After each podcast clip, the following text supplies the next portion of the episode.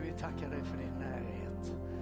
Den är så dyrbar för oss. Herre, det finns så många platser som är mycket större än den här och så många människor över hela jorden. Tack att vi får känna din närvaro, Herre. Jag ber, Herre, att du bara ska dröja kvar hos oss och över oss. Jag ber att ditt ord ska ha stark verkan i våra liv och jag tackar dig helige Ande att du ruvar över oss. Du ruvar över oss för att någonting ska kunna födas fram. Åh, oh, halleluja. Tack att vi får vara dina, Herre. Tack att du har köpt oss, Jesus, med ditt blod. Tack att vi tillhör inte längre oss själva, vi tillhör dig. Halleluja. Tack att vi får följa dig idag. Halleluja. Var än du går, Herre, så vill vi gå. Var än vinden blåser så vill vi bara följa. Tack Herre också att vi får tjäna dig den här dagen. Jag ber Herre att du ska använda mig, att du ska bli förhärligad och trodd och älskad genom det som vi delar den här dagen. I Jesu namn. Amen. Amen, amen, amen. Halleluja, vad underbart. Vi har det här, hoppas du har det minst lika underbart där hemma hos dig. Vi säger ett stort och oerhört varmt tack till detta gäng som har hjälpt oss att komma inför Guds tron idag. Eh, tack ska ni ha. Eh, och där är vi nu, där är vi inför Guds tron.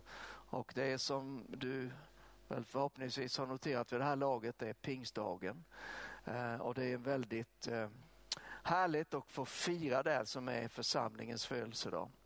Men jag skulle vilja börja med först att säga ett jättestort tack till dig som har varit med det senaste dygnet nu och bett. Vi har haft bönedygn i församlingen och eh, eh, varje timme på dygnet har varit eh, väl täckt. Och alldeles oavsett om det har gått jättelätt för dig att be eller om det har varit trögt som bara den så ska du veta att det är otroligt värdefullt. Och du kan säga, men jag märkte ingen skillnad, det blev ingenting. Nej, men du vet, det som är gjort för Herren, det är aldrig förgäves. Och de böner som vi beder, de kommer att verka. Och vi ber i enlighet med Guds vilja och det tar jag för givet att du har gjort. Så tack, tack, tack. Det är underbart att få stå tillsammans och jag är säker på att fler har bett som kanske inte skrev upp på listan. Det är inte listan som är grejen eh, utan det är bönen som är det viktiga. Men eh, för mig är det en hjälp med den där listan för att då håller jag reda på mig själv lite bättre.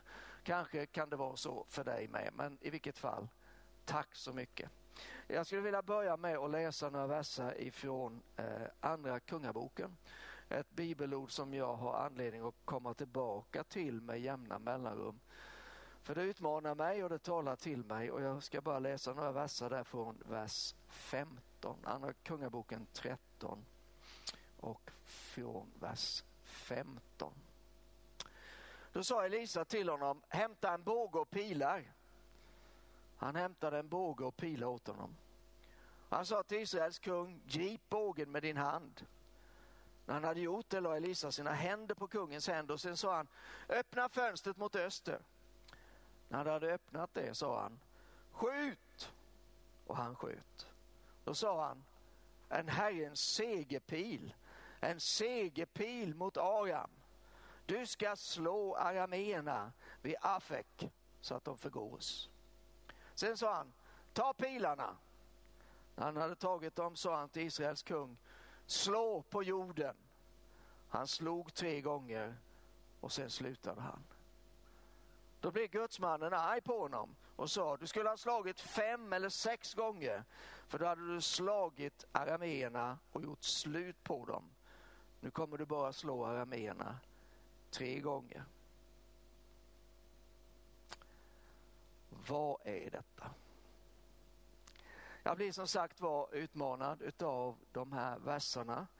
Eh, och jag tänker på denna eh, välsignade kung Joash som gör så mycket rätt och som bara lyder galna grejer som Elisa säger till honom.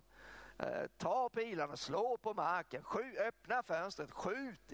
Ja, det var en segerpil. Eh, han hänger med på alltihop. All ära till Joash för detta. Men precis på slutet verkar det som att han kroknar.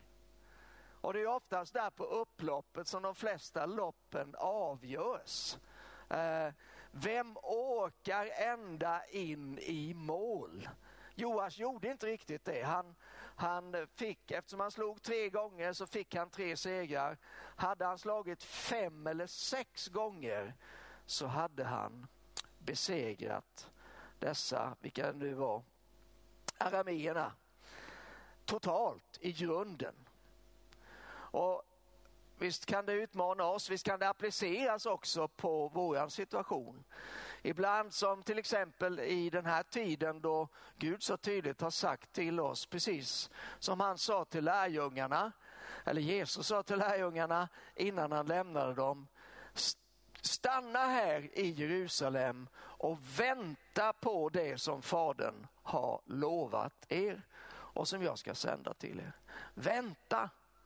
Det var ju det ordet som lärjungarna hade med sig efter de hade sett Jesus fara upp den där dagen.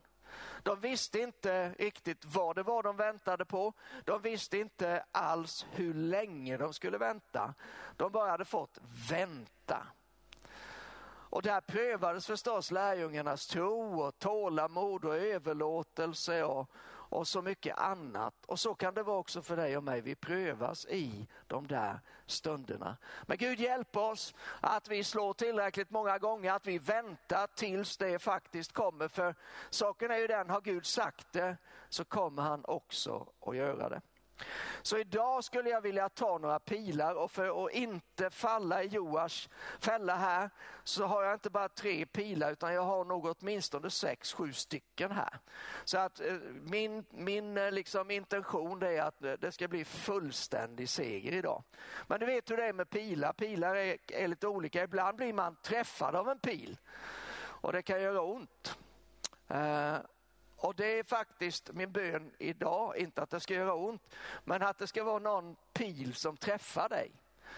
Kanske eh, en evangeliepil om inte du känner Jesus. Att bara evangeliets sanning bara tränger igenom ditt lilla pansar och når ditt hjärta. Och du kan se att Jesus är för dig, han är med dig, han älskar dig, han vill rädda dig för tid och evighet. Men det är också så med pilar att de kan vara segerpilar, eller hur? Eh, det var ju det som, som Elisa sa till Joash här. Det här är en segerpil. Och jag bara ber att de pilar som jag ska skjuta den här dagen, att de får bli segerpilar. Segerpilar för dig i din situation, segerpilar för den här församlingen och segerpilar för Kristi kropp. Eh, vem som än behöver det. Men också och det är kanske det vi först tänker på, så visar ju pilar riktning. Och det är så skönt att få riktning, eller hur? Att veta, ja men nu, nu ska jag, ja, där pekar däråt, ja men då är det däråt jag ska. Eller ja, nu pekar det där, ja, okej, men då, är, då följer jag pilen. Och idag vill jag ge dig några pilar som jag hoppas att du kan få hjälp av och som du kan följa. Och faktum är att jag ska försöka mig på och på ett väldigt enkelt sätt, bear with me som de säger i, i Grekland. Eh, så på ett väldigt enkelt sätt ska jag försöka och illustrera egentligen hela Bibeln, typ, med pilar. För jag, tror, jag tror att man faktiskt kan göra det. Och eh, de, de, kommer väl att dyka upp här på skärmen så småningom. Nu ser du bara en del av skärmen men det fixar säkert Oskar här när det väl är dags. Men man kan faktiskt börja ända från början. Man kan börja i gamla testamentet. Ni vet att gamla testamentet börjar med att Gud skapar människan. Gud skapar människan lik sig själv och Gud skapar människan till gemenskap med sig själv. Och där kan ju en pil dyka upp då och den pilen ja, den pekar ju rakt uppåt. Um, för att bli skapad av Gud och lik Gud och till gemenskap med Gud, det måste man väl säga, det är ett enda stort lyft. Men vi kan ju också historien, vi vet ju att ganska snabbt så kommer ju en pil som går i motsatt riktning. Människan vänder sig bort från Gud. Eh, och vi kan inte, tror jag, någon av oss förstå vidden av detta fall, vad det gjorde, vad det betydde för mänskligheten. För att vi lever ju i följderna utav det och det är liksom vår, vår naturliga tillvaro. Men eh, Adam och Eva före och efter fallet, det är två skilda världar. Man kan ju notera då att de här pilarna de går vertikalt.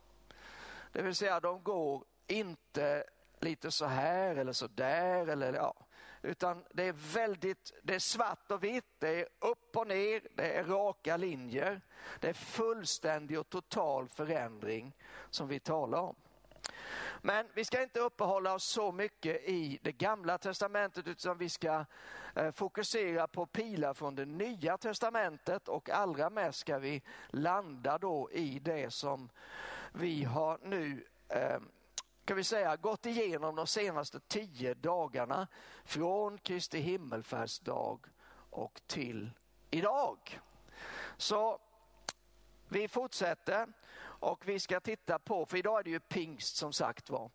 Eh, och då ska vi se på en, en väldigt härlig neråtpil. Man skulle kunna tänka att ja, men eh, det neråt det känns lite down, så va? det är lite nederlag. Nej, det finns faktiskt väldigt viktiga pilar som går neråt och Nya Testamentet börjar med en sådan. Det börjar med att Jesus kommer ner till jorden. Och det är det absolut bästa som kunde hända oss människor, att Jesus kommer till oss.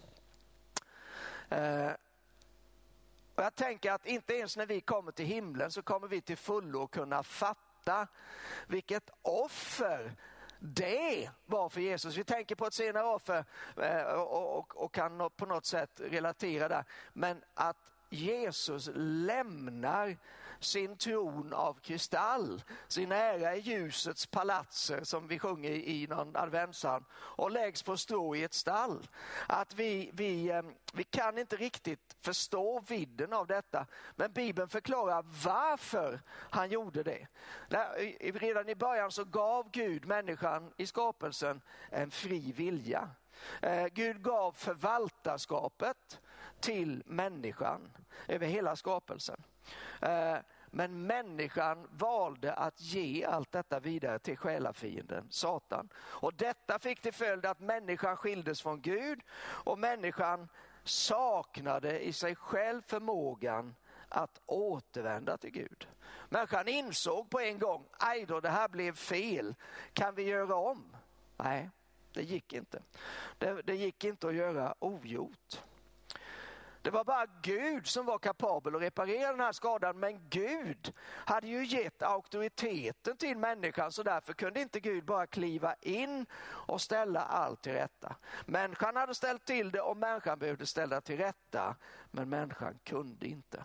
Här har vi ett präktigt moment 22 som kommer redan i, i historiens gryning. Men Gud har ju en lösning. Gud har alltid en lösning. Gud är i själva sin natur en lösning. Så underbart är inte det att komma ihåg när du kanske står inför problem eller utmaningar eller omöjligheter. Det finns en lösning hos Gud. Och vad är då Guds lösning? Jo, Gud kliver in i och blir en del av sin skapelse. Jesus kommer till jorden. Vi är så tacksamma för den pilen neråt. Gud förblir 100% Gud men han blir också 100% människa. Väldigt svårt att, att förklara eller förstå men väldigt härligt att få tro på detta. Men tala om i det att byta ner sig. Det gör Gud från universums högsta topp med allt i överflöd och ner till jordens och människans yttre ytterst begränsade tillvaro. Och vet du varför han gör det? Och han gör det därför att han älskar dig. Men nu ska vi byta pil eh, och vi tittar på nästa pil därför att den handlar om att Jesus går upp på korset. För det var inte nog att Gud kom ner till oss och blev som oss. Utan Gud var också tvungen att ta följden av att vi människor hade vänt oss bort från honom. Och den var han tvungen att ta på sig själv och den följden det var döden. Syndens straff är döden, säger Bibeln. Och därför måste Jesus ge sitt liv för dig och mig. Det var enda sättet på vilket han kunde skapa en väg tillbaka till Gud. Och därför så går Jesus upp på korset. Och jag säger att går upp, därför att Jesus gör det redan i förväg väldigt tydligt att han var inget offer, ett offer för romarna eller judarna eller människors ovilja eller så. Han gav sig som ett offer, han gick frivilligt till korset. Det här var en del av, av Guds räddningsplan för oss människor. Och detta, ja det är precis, nu befinner vi oss så att säga i påskens berättelse. Det är ganska intressant det här med våra svenska helger att de allra flesta av dem de bottnar totalt i de bibliska berättelserna. Så är det också med pingst. Men vi är på väg dit. Men först ska vi ta en ny pil. Vi kommer då på den tredje pilen kan jag tänka mig. Därför att nu dör Jesus. Jesus dör på korset. Det står så här i Filipperbrevet 2 Eh, och jag vet inte om ni noterar, men här på skärmen så hittar ni bibelord. Jag, jag läser inte alla, men jag vill läsa det här. Filipperbrevet 2 och 6. Så står det att han var till, och han här det är då Jesus. Han var till i Guds gestalt, men räknade inte jämlikheten med Gud som segerbyte, utan utgav sig själv och tog en tjänares gestalt och blev människan lik. Det var det som vi talade om att Jesus kom ner till den här jorden. När han till det yttre hade blivit som en människa ödmjukade han sig och blev lydig ända till döden. Döden på korset. När Jesus dör den där långfredags, eller ja, den, den var väl lika lång som alla andra antagligen, men vi kan bara kalla den fredags eftermiddagen då. På en kulle utanför Jerusalem för snart 2000 år sedan då dör han för din skull och han dör för min skull. Och mänskligt sett så borde ju historien sluta där därför att döden är ju en väldigt stark och obeveklig verklighet för alla människor. Och Jesus han läggs i en grav. Bibeln säger att han smakade döden, det vill säga han dog verkligen. Eh, det var inte någon skendöd eller någonting annat.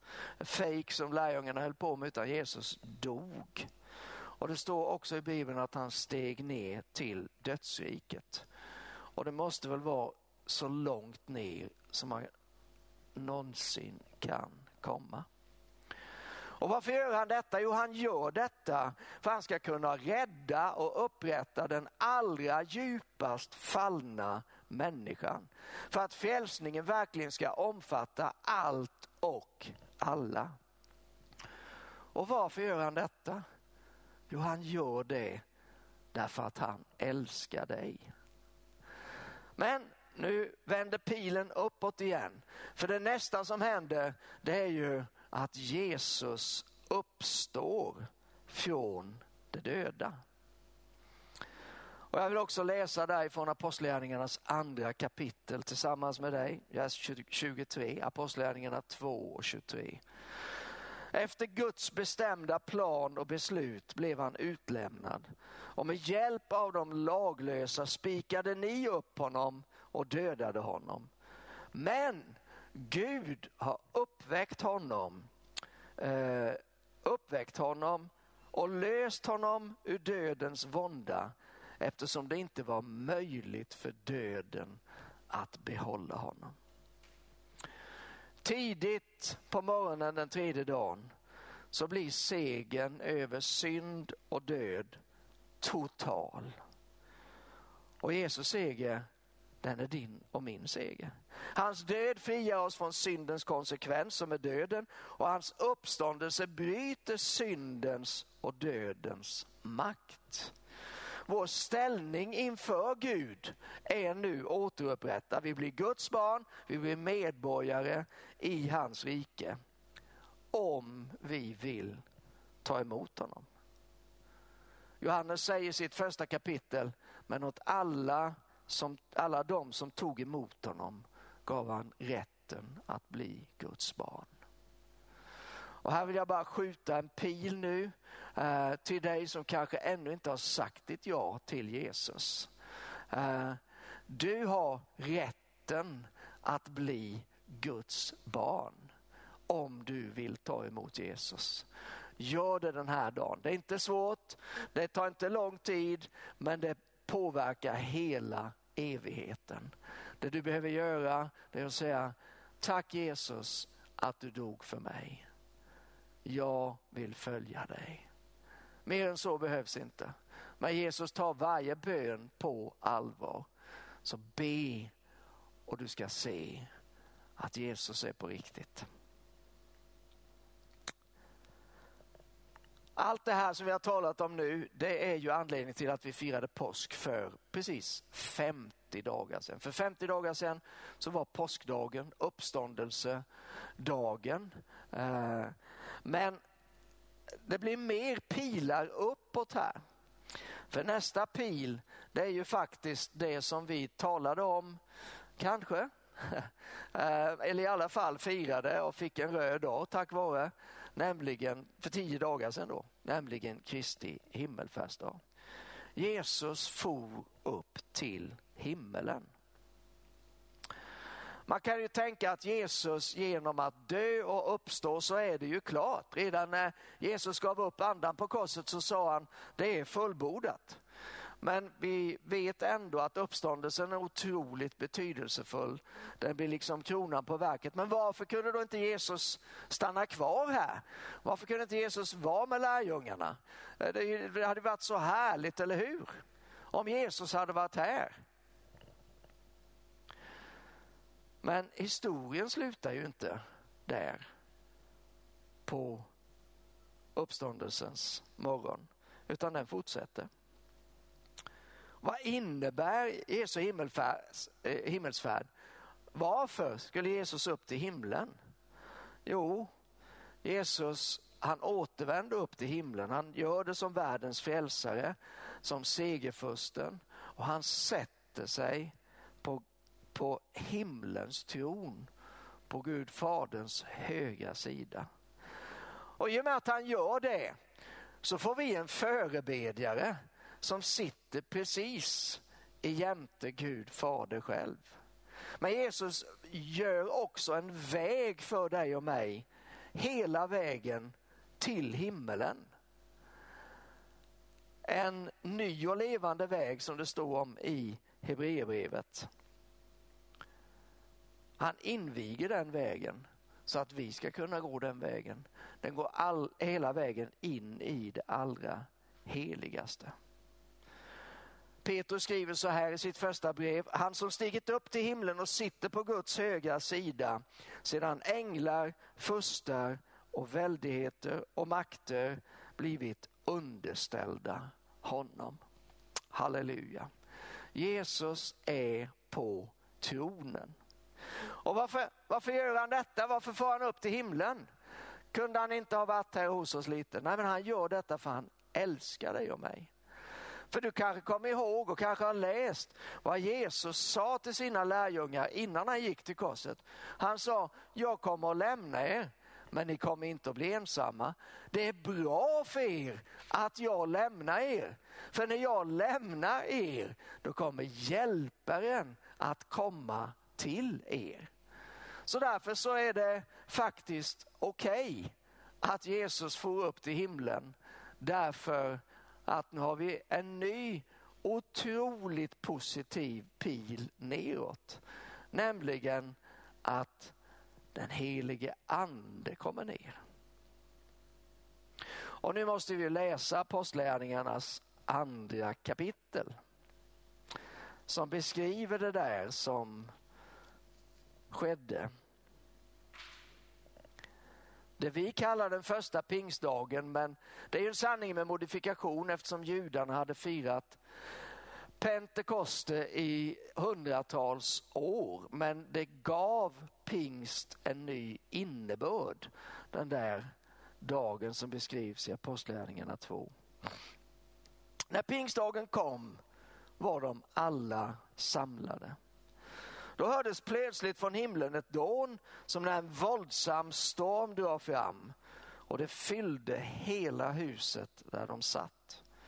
Tungor som av eld visade sig för dem och fördelade sig och satte sig på var och en av dem. Alla uppfylldes av den helige ande och började tala främmande språk allt eftersom anden ingav dem att tala. Här fortsätter evangeliet. Det slutar inte med Jesus, Jesus med hans död, med hans uppståndelse och med hans himmelsfärd. Utan det fortsätter, the story goes on. Och pingstdagen är central i alltihop detta. Det som Fadern hade lovat, det som Jesus hade talat om, det som lärjungarna hade väntat på. Utan som vi sa att egentligen veta hur det skulle se ut eller när det skulle komma. Nu kom det! Och det var väldigt påtagligt och det åstadkom en väldigt påtaglig förändring i lärjungarna. Tidigare så hade de isolerat sig, nu bröts isoleringen. Verkar som de tidigare mest hade talat med varandra. Nu klev de fram och talade med världen. Den helige ande gavs dem, fyllde dem. De fick en övernaturlig utrustning. De fick en kraft som var oändligt mycket större och starkare än vad de hittills hade varit med om. Den stod nu till deras förfogande. Högst troligt tog det dem resten av livet att förstå helheten eller fullheten av vad detta innebar och vad den här kraften kunde verka i och genom dem. Och nu så är det återigen pingstdag. Halleluja. Och du och jag och alla som har sagt sitt ja till Jesus har fått den oskattbara förmånen att bli födda på nytt.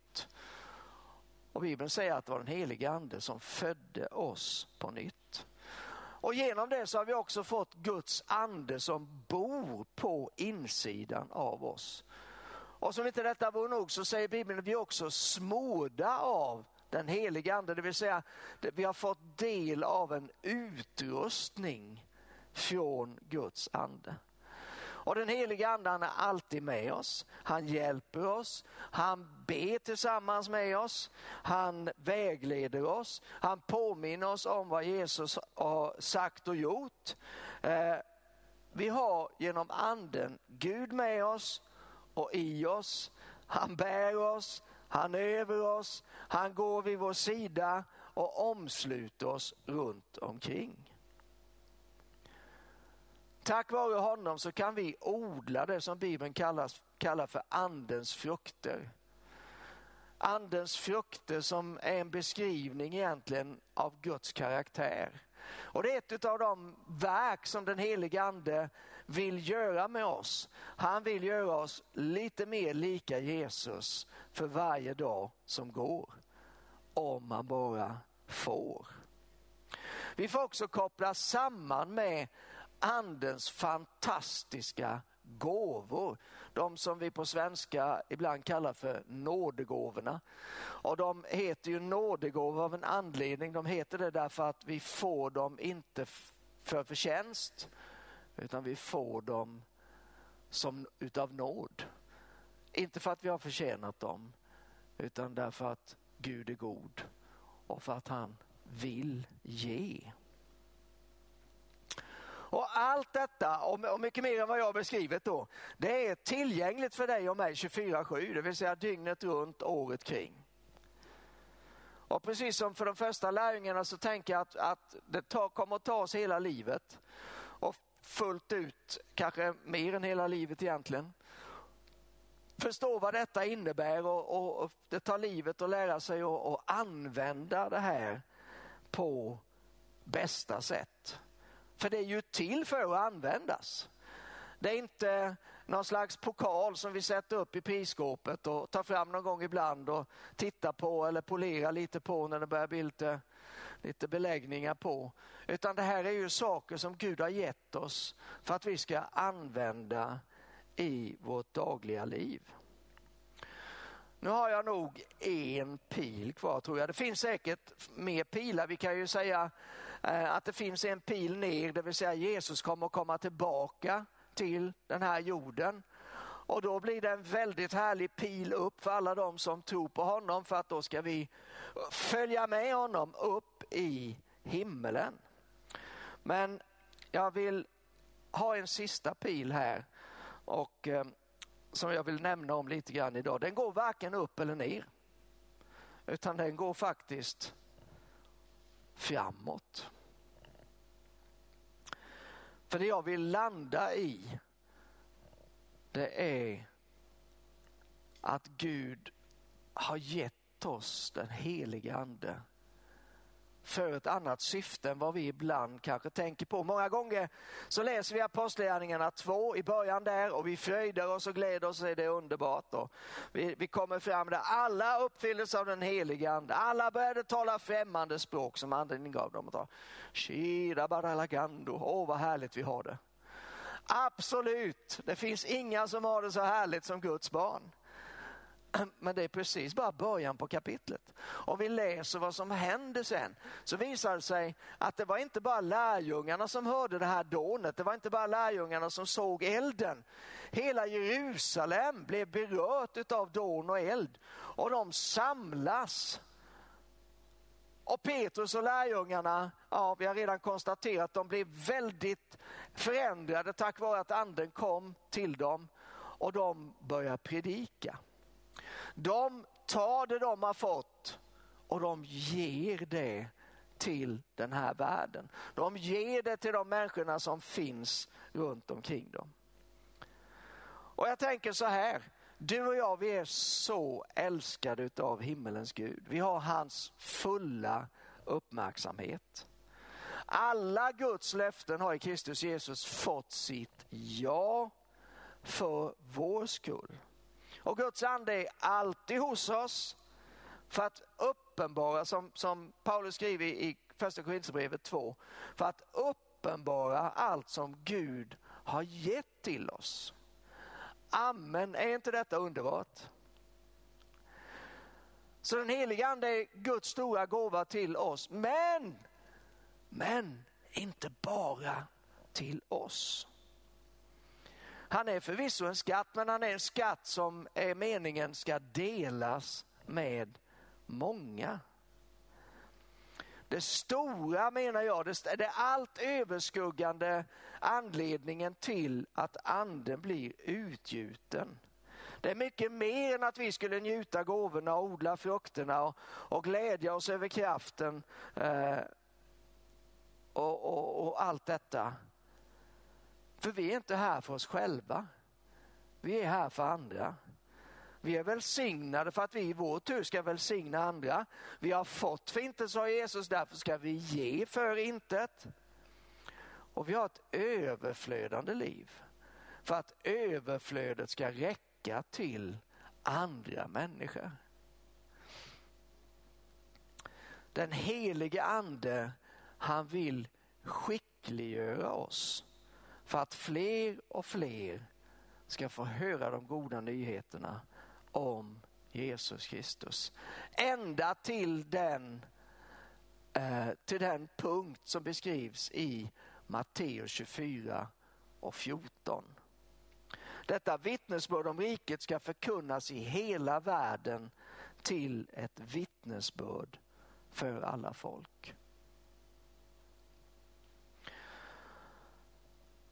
Jag har Apostlagärningarna 2 fortfarande upp, uppslaget så att jag vill läsa ifrån det första kapitlet och den åttonde versen. En tämligen välkänd bibel, bibelord. Men när den helige ande kommer över er ska ni få kraft. Den kraften, den vill Gud ge dig just nu. Om ett litet ögonblick så ska vi be tillsammans, vi ska bara söka oss inför Guds ansikte. Vi ska ta emot kraften från den helige ande. Kanske behöver du bli förnyad i den helige ande. Kanske vill du bli döpt i den helige ande. Kanske vill du komma ut i, i gåvorna och, och bara se Gud verka. Vi ska be för detta. Men notera, han sa mer än att vi skulle få kraft. Han sa ni ska få kraft och bli mina vittnen. I Jerusalem och Judeen och Samarien och till jordens yttersta gräns. Jag tror att det finns en dimension av den helige ande som vi inte får så länge vi tror att ja, men det är för min skull. Det är för att jag ska få ha det härligt.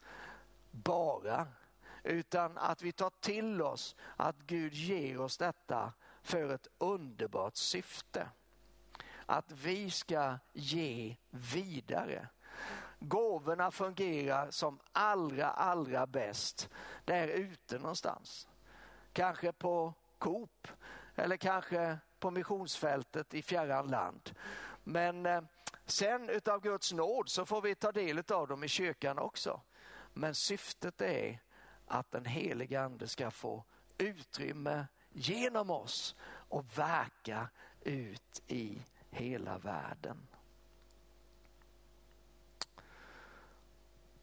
Och då har jag påpekat att Gud har gjort allt detta därför att han älskar dig. Men då måste jag sluta med att säga att han gör detta för att Gud älskar världen. Gud älskar världen, ty så älskade Gud världen att han utgav sin enfödde son. Och Gud vill att du och jag ska drivas av samma kärlek. Att du och jag ska, jag menar nu har vi haft över ett år här och vi har suttit eh, eh, i soffan många söndagar istället för att gå i kyrkan. Vad har det gjort med oss framför en skärm? Jag vet inte hur det är med dig, det är säkert inget problem för dig, men när jag hamnar framför skärmen så blir jag en typisk tittare. Jag blir en åskådare. Men Gud vill ju att jag ska vara en deltagare, men det har liksom inte, den här situationen har inte uppmuntrat till det. Nu tror jag, för nu håller vi tack och lov och pris och ära så håller vi på att få komma ut och komma igång igen. Och då tror jag att den helige ande, Eh, han ligger väldigt mycket i startgroparna. Han har väldigt mycket som ligger framför. Eh, och, och, dessutom har ju vi bett och ropat till Herren under lång tid nu. Så att fantastiska saker ligger framför. Men nu behöver du och jag bara ställa oss upp igen. Nu behöver du och jag bara säga, helige ande, du är över mig. Du har smort mig till att förkunna glädjens budskap för de fattiga. Du har sänt mig eh, till att och, eh, predika frihet för de fångna och syn för de blinda och att ge de betryckta frihet och att förkunna nådens år ifrån Herren. Det ordet som ju är ett av vår församlings grundord, det gäller i högsta grad den här dagen. Så om jag ska bara försöka innan vi ber tillsammans och sammanfatta det här eh, som jag har sagt den här dagen så har vi ju landat i de tio senaste dagarna egentligen. Kristi himmelfärdsdag, pingstdagen och vad som kommer ut utav det. Och då, då blir det några pilar till här på, eh, har jag för mig, på eh, skärmen. Jesus for upp, den helige ande kom ner, församlingen gick ut. Kan vi säga det tillsammans? Jesus for upp. Alltså, där, där du ska säga det. Jesus for upp. Den helige ande kom ner. Församlingen gick ut. Amen. Gud välsigne dig och mig och oss allesammans att vi i den här tiden kan gå ut. För det är när vi går ut, det är då vi kommer att få se att den helige Ande är så angelägen, han är så nära, han är så verksam. Han håller ingenting tillbaka därför att han, han den helige Ande är ju Gud och han har Guds hjärta och Gud älskar den här världen och Gud vill att alla ska få höra. Gud vill att de sjuka ska bli helade. Gud vill att fångarna ska bli fria. Gud vill att de nedböjda ska bli upplyfta och han vill göra det tillsammans med dig och mig. Ah, halleluja. Jesus for upp, anden kom ner. Precis, församlingen gick ut. Lovsångsteamet, kom och hjälp oss här och bara går vi inför tronen en liten stund här mot slutet av gudstjänsten. Prisat vara Herrens namn. Åh vad underbar du är Herre, åh vad underbar du är. Vi bara tackar dig Herre för din stora plan Herre som löper allt ifrån skapelsens morgon och ända in i evigheten. I alla lägen, i alla situationer så har du haft och du har och du kommer att ha kontrollen. För du är Gud i himlen och du är Gud på jorden. Jag tackar dig Herre för att synden och döden inte längre har herraväldet utan eh, här på den här jorden. Utan Herre, du har all makt i himmelen och på jorden. Och den här dagen Herre som är pingstdagen där vi bara tänker tillbaka på och, och, och fullständigt överflöda av tacksamhet Herre för att du genom den helige ande har kommit hit till oss för att aldrig lämna oss, att du har rustat oss, att du har smort oss, att du har fyllt oss Herre. Ja, vi är så tacksamma till dig Herre. Men vi bara ber Herre att det här ska få bli en verklighet för oss allesammans. Att det inte bara ska vara en historisk händelse som vi firar, att inte det bara ska vara vackra minnen från upplevelser vi har gjort i det förgångna, utan att det här ska leva den här dagen, Herre, i var och en utav oss. Herre, jag vill bara be för alla som är med på gudstjänsten just nu. Jag tackar dig Herre, för att där de är, där är du. Och där Herrens ande är, där är frihet. Jag proklamerar frihet just nu i Jesu Kristi namn.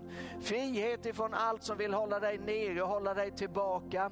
Allt som vill säga till dig att det är kört för dig, att det är för sent för dig, att du har misslyckats, att det inte finns någon väg tillbaka.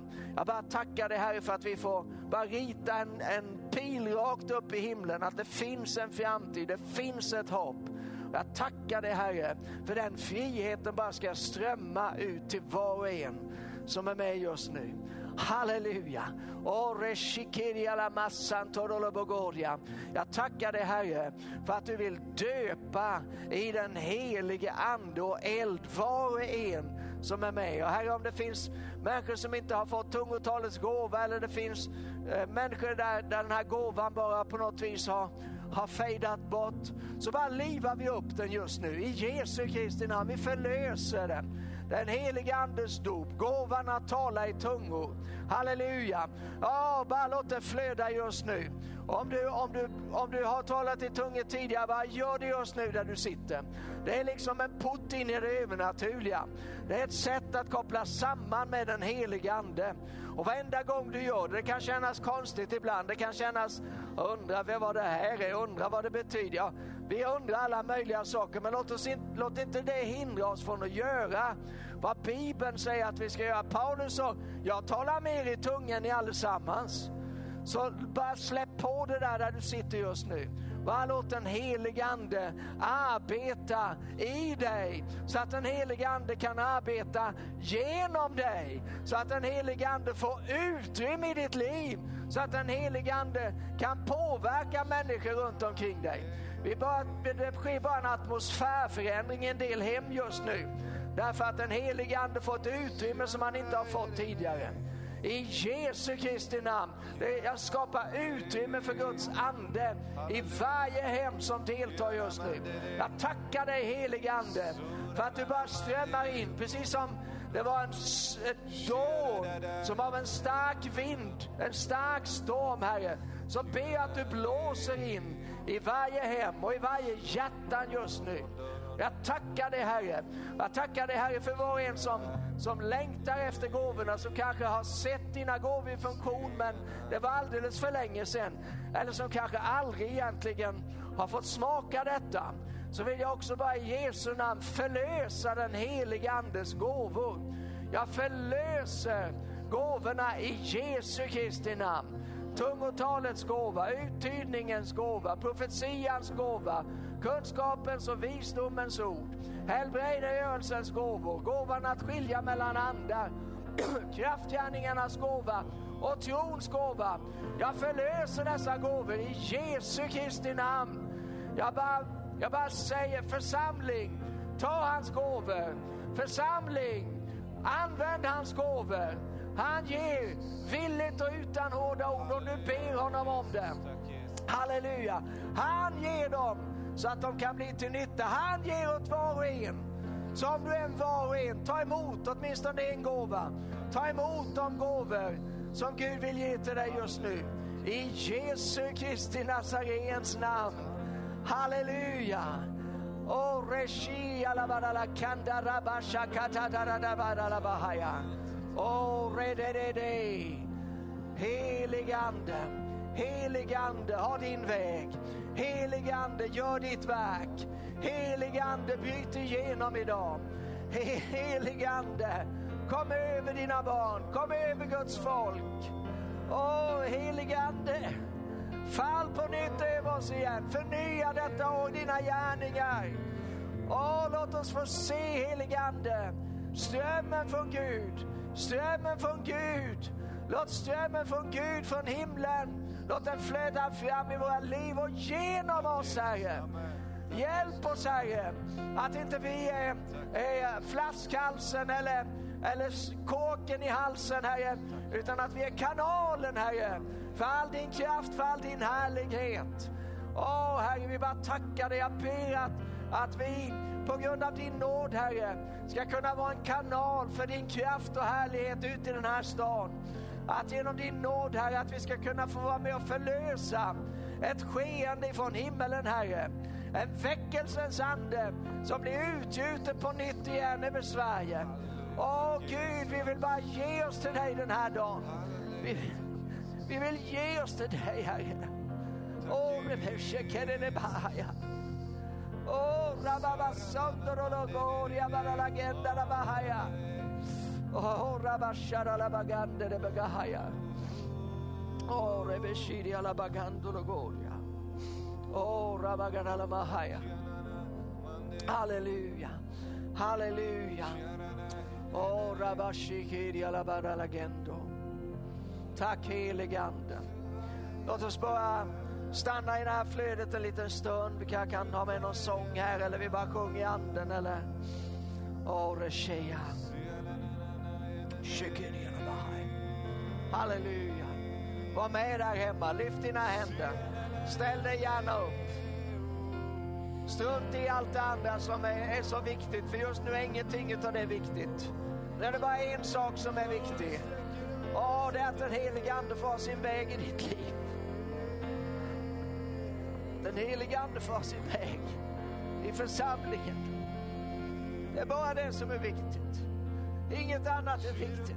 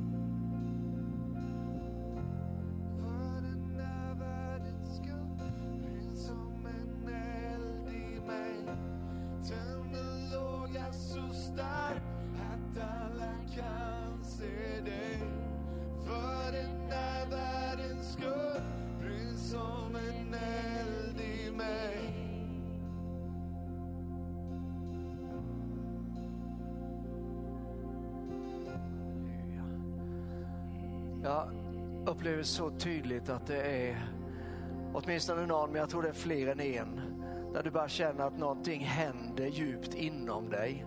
Det kanske känns på lite olika sätt, så jag ska inte försöka och, och med på att beskriva det. Men vet du, det är den helige ande som bara söker utrymme. Han söker bara någonting som han kan sätta eld på. Och, och jag, bara, jag, jag, bara tackar honom för att hans ord är det. Det ordet som vi har talat idag, det ord som är insått i ditt liv. Det är så att säga det brännbara materialet. Och nu håller han på att tända en eld i dig. Men han gör det inte om inte du vill det. Han gör det inte om inte du längtar efter det. Men jag bara, jag bara tror att just nu så längtar du efter detta. Så, så då, då, då går du liksom inte bara och slår av eh, här. Eh, programmet får du väl slå av när det är slut här eller mötet eller gudstjänsten eller vad vi ska säga. Men du slår inte av det här som Gud håller på och gör i ditt inre. Du går liksom inte bara, nu sätter jag på en kopp kaffe och går ut i person och det är väl ingen som vill göra idag förresten. Men, men du förstår vad jag menar. Utan du ger Gud, ge honom en stund av den här pingstdagen. Låt honom få fortsätta det verk som han har påbörjat. Han gjorde det för länge sedan men någonting har blivit upplivat i dig idag. Låt honom fortsätta att göra det. Det är så betydelsefullt. För Jesus for upp och anden kom ner men både det ena och det andra, det skulle kunna vara förgäves.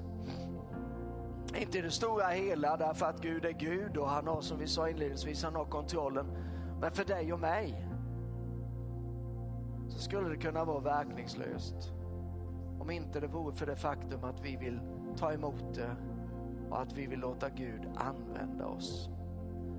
Jesus for upp, anden kom ner, församlingen gick ut. Låt det få bli ett underbart valspråk som vi lever efter och som vi förkroppsligar i de dagar och månader och år som ligger framför. Och Gud kommer att utgjuta sin ande till väckelse för många. Och jag måste bara ärligt säga att oavsett om det sker idag eller om det sker om tio år. Jag ser hellre att det sker idag. Men jag har redan väntat på detta i över 30 år. Jag blir så uppmuntrad när jag tänker på att elden brinner fortfarande här inne. Jag har fortfarande den övertygelsen som bär mig att Gud kommer att göra det. Och därför så om det tar ett tag till så kommer jag fortsätta att vänta. Jag kommer att vänta tills dess att jag blir beklädd med kraft ifrån höjden. Jag kommer att vänta tills Gud ger det som han har lovat, för Gud har lovat. Och därför så väntar jag och jag väntar med en förväntan. Jag förväntar mig att Gud ska göra det han har sagt. Och då får jag, även om inte jag får se fullheten av det, så får jag ändå leva i det. Jag får ändå del av det. Halleluja. Tack Jesus. Halleluja. Låt oss bara vara kvar ytterligare något ögonblick här. Kan vi sjunga lite till så ska vi snart lämna över till Jörgen som får förtroendet att knyta ihop denna säck. Halleluja. Tack Jesus. Jag lägger